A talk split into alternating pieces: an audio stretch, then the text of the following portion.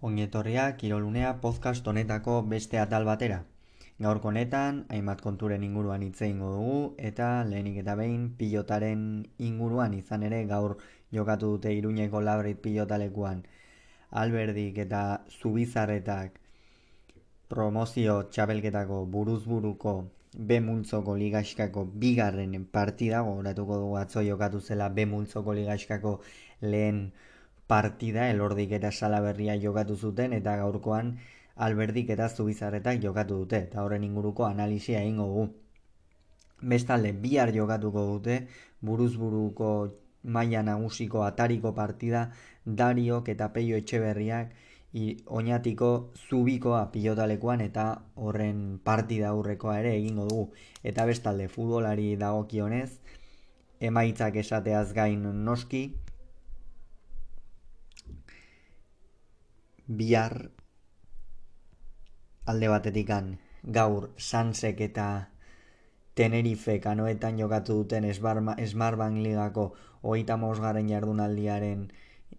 partidaren, hogeita mausgarren jardunaldiko partidaren inguruko analizia ingo du eta bestalde batetik berriz bihar realak eta eltsek jokatuko duten eltsek eta realak kasu honetan Martinez Valero futbol zelaian jokatuko duten Santander ligako hogeita maikagarren jardunaldiko partidaren partida aurrekoa egingo dugu. Eraz, besterik gabe has gaitezen. Eta lehenik eta behin esan dugun bezala pilotarekin hasiko gara, baina lehenik eta behin jakin bezate lehen partida izan da geuk aztertuko duguna, alberdik eta zubizareta jokatu dutena, eta bigarren partida hau da estelarrean, hartolak eta albizuk galdu egin dutela hogeita bi eta zazpi, laso eta mariezkurrena bigarrenaren aurka. Hauek esan da, goazen partidaren analisiarekin. Beno, ba, gaur jokatzen zuten, alberdik eta zubizarretak promozioko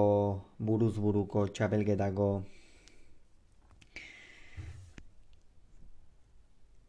Bemultzoko lehen jardunaldiko bigarren partida et garaipena azpeitiararen zat izan da, nahiko garaipen erosoa lortu du Jon Alberdi gaurkoan hogeita bi eta hamar nagusitu zaio zubizar eta hiruarenari aserako tantoetan zapaldu egin duera bat Alberdik zubizar eta jokoan oso nagusi izan da orokorrean. Ama bi eta hiru joan dira lehen da biziko etenaldira eta partidaren dinamika erabat kontrolpean zuen Jon Alberdik. Kontrolpean izan du ez diolako utzi zubizarretari bere jokoa egiten, ez da zubizarreta pilotari oso erasokorra da eta piloteoan apurtxo bat gehiago kostatzen zaio behar bada, zuzenean erasora joateko itura duen pilotaria da eta hori gaurkoan alberdik ez dio utzi eta hori ekidin du eta horregaitikan joan da hainbesteko aldearekin lehen da biziko eten aldira, ez da? E, denbora guztian oso atzean zuen, horrez gain eraginkortasun handiarekin jardun da azpeitiarra hor zabale ainakoak egiterako eta jokaldiak egiterako garaian bai, ezker gantxo batzuk ere bota ditu, ikusgarri aritu da lehen zati horretan Jon Alberdi, bigarren zatian behar bada apur bat gerturatu egintzaio, ama zortzi eta ama bi edo bederatzi eta ama bi ez dakitzen bateraino gerturatu zaio, baina tantu desente egin ditu eta hor behar bada zubizarretak meritu handia eduki du izan ere saketikan asmatu eta ondoren e, zuzenean erasora joan da, ez da, ez zuen tantoa luzatzerik nahi eta hor tanto batzuk sartu dizkio e, zenbai jokalditan, hor ere zubizarretak momentu batean erakutsi du bere talentua eduki du bere talentua erakusteko gaia baina ez da nahikoa izan izan ere hortikan aurrera alberdi oso nagusi izan da saketikan asko asmatu du azpeiti harrako songi sakatu du ondoren berriz piloteoan eta ikusi da azkenengo urteetan Jon Alberdik batez ere buruz buru ikeragarrizko goraka da egin duela ez da gogoratuko dugu orain arte buruz buru behar bada ez duela ez dela inbeste nabarmendu baina orain ikusten da aurrekoan arteaga lauean utzi zuen bere herrian azpeitian ondoren berriz irabazi egin zion bakaikoari, bakaikoari, parkatu zazpian utzi zuen arteaga, bakaikoari irabazi zion lenguan hogeita bi eta hogeita bat, bakaikoa promozio mailan behar bada konsagratuen dagoen pilotariari irabazi zion eta gaurkoan berri zubizar eta aixa gainditu du. Beraz hemen ikusten da gorakada nabarmena egin duela Jon Alberdik eta hori azpimarragarria da ez da eta ondoren berriz azkenengo zatian jada ba ez zubizar eta erabat denak emanda Alberdi berriz zuzen jokatzen bazuen jada ikusten zen garaipena poltsiko antzuela eta honen bestez hogeita bi eta hamar amaitu da azkenerako partida. Eta bera zalberdirentzat izan da lehen puntua, honen beste zalberdik salaberriaren aurka jokatuko du eta zu izarretak berriz elordi izango du aurkari. Hau izan da partidea honen inguruan esateko genuen guztia. Bestalde, bihar jokatuko da buruzburuko atariko azken partida. Buruz buruko txapelketa nagusiko atariko azken partida. Esan behar dugu hau lehen partida izango dela eta bigarren partidan berriz estelar bikaina jarri dute. Alde batetik altunak eta rezustak jokatuko dute. Bestalde batetik berriz irribarriak eta zabaletak eta hori izango da benetan estelar bikaina eta Dario eta Peio Etxeberriaren arteko partidaren inguruan hitzein behar dugu. Dario gogoratuko dugu. Orain bi urte finalerdietara iritsi zela, irribarria besteak beste garaituz, eta jokin altunaren aurka galdu bai, baina irudi ona emanez galdu zuen Dariok, orain bi urte, aldiz lehengo urtean zabaletak aixa menderatu zuen, eta urten berriz, ba bueno, momentu oso gozoan iristen da izan ere orain pare bat aste aixa garaitu zuen elordi, eta aurreko astean berriz logroñon ere nahiko erraz irabazi zion elezkan hori hogeita bi eta hamar gainditu zuen eta beraz oso une gozoan harrapatzen du. Aurrean ordea peio etxe berria izango du, naiz eta azkenengo partidetan binaka ez duen irudi ona eman ez den konfiantzarekin ibili azkenengo bi astetan edo maila polita erakusten ari da eta buruz buru egungo promozioko txapelduna da eta oso pilotaria, pilota bizi mugitzen duena eta partida oso irekia ikusten da. Behar bada dariok orain arte demostratu duenaren gatik eta abar apur bat favoritoxeago izan daiteke ezkaraitarra, baina alere ez da bat ere garbi ikusten partida den nondik norakoa eta ikusiko dugu, ea. Dariok esan bezala, saketikan egin dezake min handia, baina peiok ere ongi errestatzen ditu sakeak. Eta behar bada piloteoan aurreko kuadroetara eramaten baldin badu partida Dariok badaki jai duela, peiok aurreko kuadroetan domin, domeinu gehiago dauka Dariok baino, Aldiz, dariok atzean kargatzen baldin badu jokoa ondoren aurrean aukera asko sortuko zaizkio eta ikusiko dugu zer gertatzen den. Oso oso partide irekia izango da eta esan bezala irabazleak ba, buruz buruko txapelketa nagusia jokatzeko txartela lortuko du. Hau partida honen inguruan egin behar nuen ala eta orain guazen frontoietatik futbol zelaietara izan ere gaur jokatu du sanseko gita mausgarren jardunaldiko norgeiagoka eta ba, ez da e, berri honik, ez da berri honik e, sanserentzat, izan ere bat eta bi, galdu du Teneriferen aurka, alde zauretik zen liga honenetako emaitzak errepasatzera, Espainiako lehen mailan Kadizek bat Betisek bi, Mallorcak sorpresa eman du eta bat eta utxira bazi Atletico Madrid, Villarrealek eta Atletikek bana egin dute, Real Madridek bi eta utxira bazi dio Getaferi, Ingalaterrako ligan Evertonek bat eta utxira bazi Manchester Unitedi, Arsenal galdu egin du Brightonen aurka bat eta bi, Chelseak erraz irabazi dio Southamptonis utxe da sei, Leeds Unitedek utxe eta iru irabazi dio Watfordi eta Tottenhamek utxe eta lau irabazi dio Aston Villari. Bestalde Italian hiru partia izan dira, Empoli kuts espeziak kuts, Interrek bi Elas Beronak utx eta Kagliarik bat Juventusek utx bestalde bigarren mailan geuk azterduko dugun partidan Sansek bat Tenerifek bi, Alkorkonek bat Sportingek bat, Malagak bi, Valladolidek bi eta Las Palmasek bat Amorebietak utx. Bundesligan, Alemaniako ligan, Greuzer Fürzek huts, Borussia Mönchengladbachek bi, Kol Koloniak iru Mainzek bi, Bayerrek bat Augsburgek huts, Wolfsburgok lau Arminiak huts eta Erzak bat Union Berlinek huts. Barkatu, e, Union Berlinek lau. E, Frantziako ligan berriz, Estet Rensek bi, Estet Rensek iru, eta Clermontek bat, Paris Saint Germainek sei. Eta orain zen Sanseren partidaren analiziarekin. Beno, ba Sanse porrot mingarri baten ostean iristen zen gaurko partidara, oso oso partida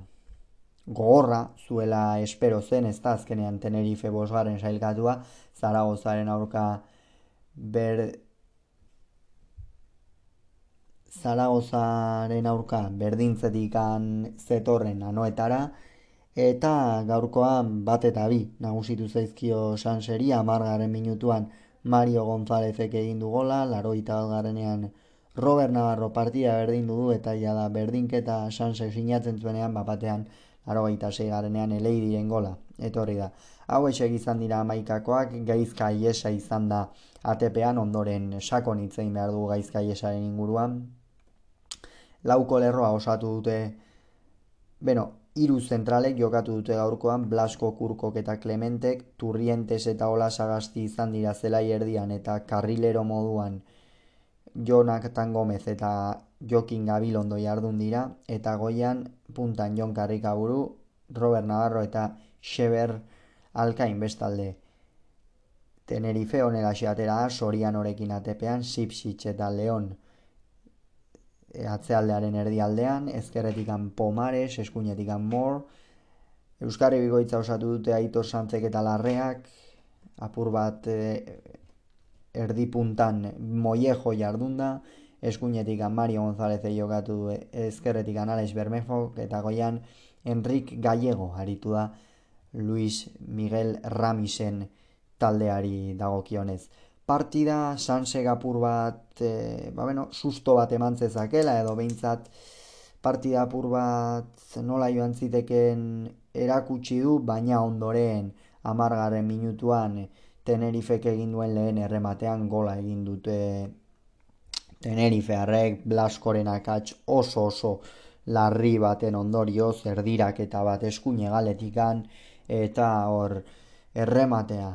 egin du oso eroso lehen zutonean Mario Gonzálezek eta Blaskok ez du salto ere egin. Egia da behar bada pentsatzezakela baloia pasa egingo zela, baina hor erdia aldeko atzelari batek salto egin behar du bai ala bai part, baloia iritsi ala ez iritsi Blaskok ez du alakorikan egin eta oso erraz, oso eroso sartu lehen gola Mario Gonzálezek. Ondoren sanse apur bat e, min handia egin dio lehen gol horrek eta Tenerife gehiago, gehiago izan da, ezta? Batez ere, baloiaren jabetza bai eduki du Sansek eta hor baloia ongi mugitu du, baina Tenerifek baloia hartzen zuenean oso oso bizi ateratzen ziren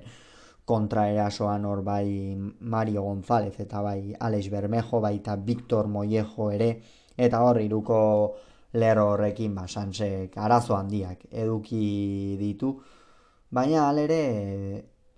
ez du, ez du beste partidetan bezain besteko grin hori erakutsi gaurkoan sansek, saiatu bai, baina ez zituzten zuloak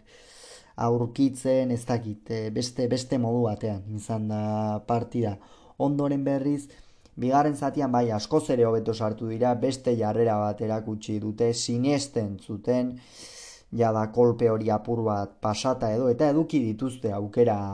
batzuk hor batez ere turrien oso protagonista izan da. Robert Navarro saiatzen zen, baina gaur naiz eta gola ez du bere egunik onena izan Kataluniarrak hor asko sufritu du, baloiak iristen zitzaizkion, baina izkin egiterako garaian eta asko kostatu zaio eta benetan gaur ez dugu betiko Robert Navarro ikusi eta horri ere realarentzako kalte izan da egin handi batean, ez da, bestalde Xeber alkain ere hor gaur beste tamaino desagertu xeago eta karrikaburu kerremate bat eduki du, baina bestela ez du asko kostatu zaio hor mugitzea eta tenerife gehiago izan da.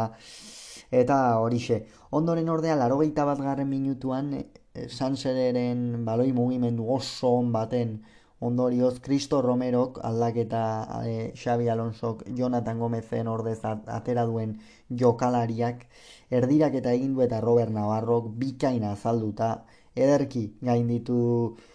Soriano atezaina eta hor pentsaziteken berdinketa sinatzen zuela Sansek. Alere bapatean, laro eta minutuan, beste akats bat, akatsa ez jokaldian baizik eta bakar bakarrik errematatu du eleidik, bakar bakarrik errematatu du gaizka iesaren aurrean eta gola egin du bigarren atenerifek eta hortxe iban zaizkia aukera guztiak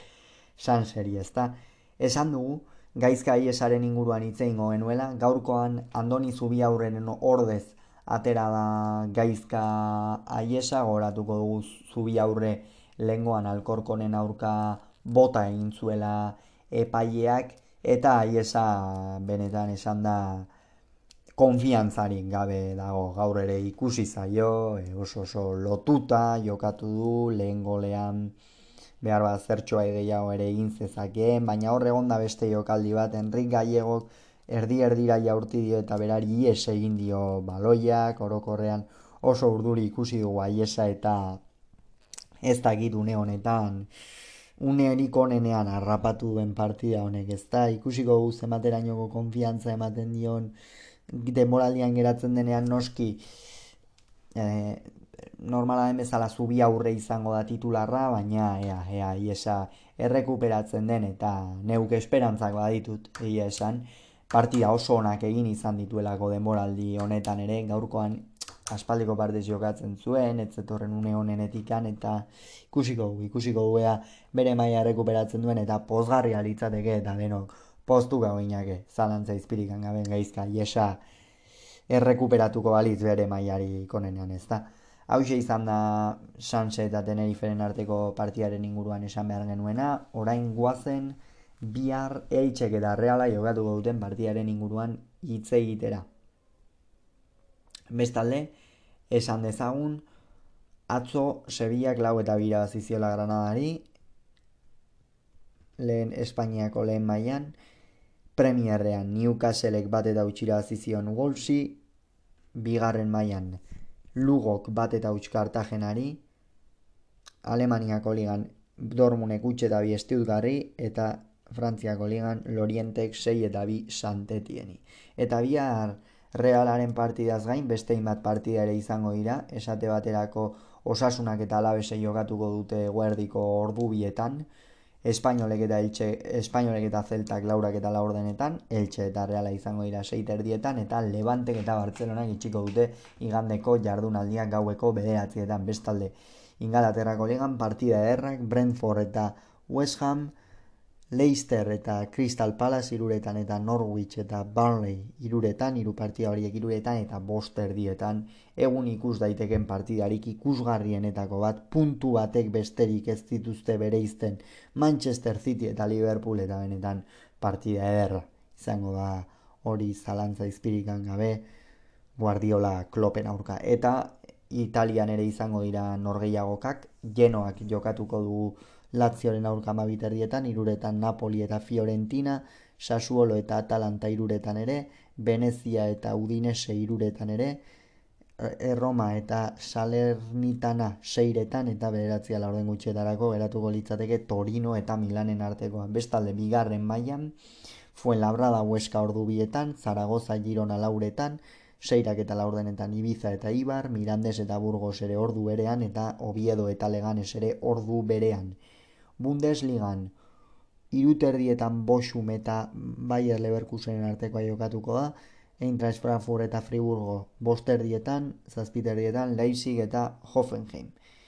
Frantziako ligan, Girondisek ordu metzen aurka jokatuko ordu batetan, Angersek iruretan Lilen aurka, Estebrestosek iruretan Andesen aurka ordu berean. Monaco eta Troyes, bostak eta bostetan Lens eta Niza, Estrasburgo eta Olympic Lyon zazpiretan eta bederatzietarako geratuko litzateke Olimpik Marseilla eta Montpellier eta orain zen Realaren eta Elcheren arteko partiaren partida aurrekoa egitera, ezta? Beno, bi taldeak momentu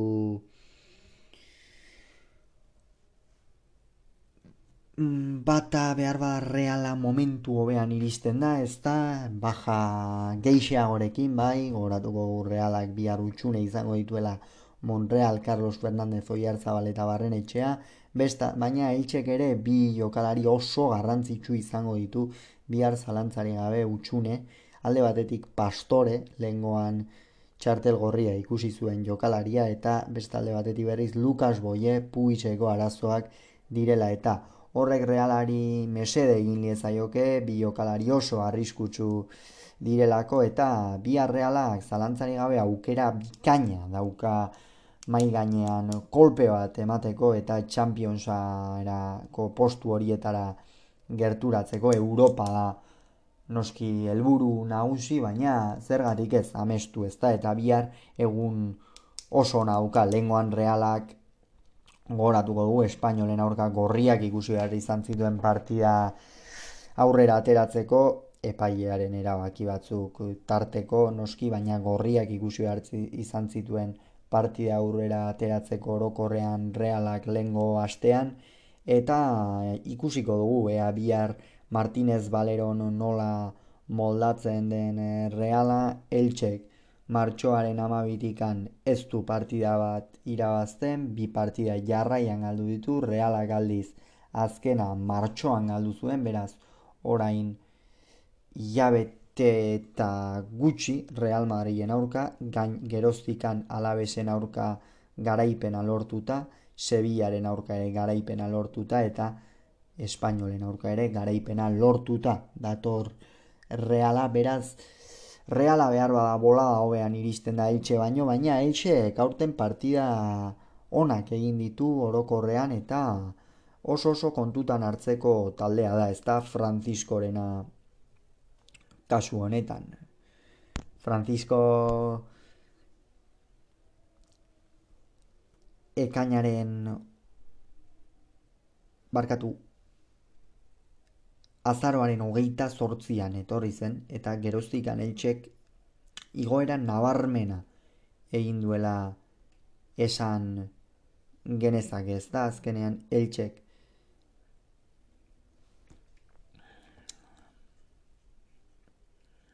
kusiko dugu orain, ea, azaroaren hogeita sortzian e, eta lehen partida esaterako osasunaren aurka bana egin zuen, Leioari kopan irabazi egin zion, Kadiz irabazi egin zion, Valentziaren aurka larri larri galdu zuen, Unionista zisi irabazi egin zion, Bartzelonaren aurka ere larri larri galdu zuen,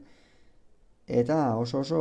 partida onak. Real Madriden aurka ere larri larri galdu zuen, ondoren gainera Bernabeun. Beraz, ez da, ez da untzaren gauerdiko ez du laitxe. Oso oso talde lehiakorra da, jokalari onak ditu atezaina ere oso ona du, Edgar Badia bera, Beraz, oso kontutan hartzeko partida, baina egia da reala favorito zat, atera e, hartuko nukela eta gainera bihar partida irabazteko oso oso aukera ona dauka realak zalantza izpirikan gabe. Eta ea, lortzen duten iman olenek hori bai, golaren aurrean, fina hoi ibili beharko dute lenguan espainolen aurka baino izan ere hor realak bai ongi jokatu zuen partida, baina ondoren hori falta izan zitzaion, ez da, azkenengo, ez dakit partida iste hori edo, egia da epaiaren erabakiak medio eta bar, baina horre pixka asko kostatzen ari zaio eta ea, ea, bihar gutxiago kostatzen zaion eta gol bat baino gehiago sartzeko gaiden. Hau izan da beraz gaurko es, esan behar genuen guztia, urrengoan gehiago izango zuek irolunea podcast honetan, bitartean ongi izan agur.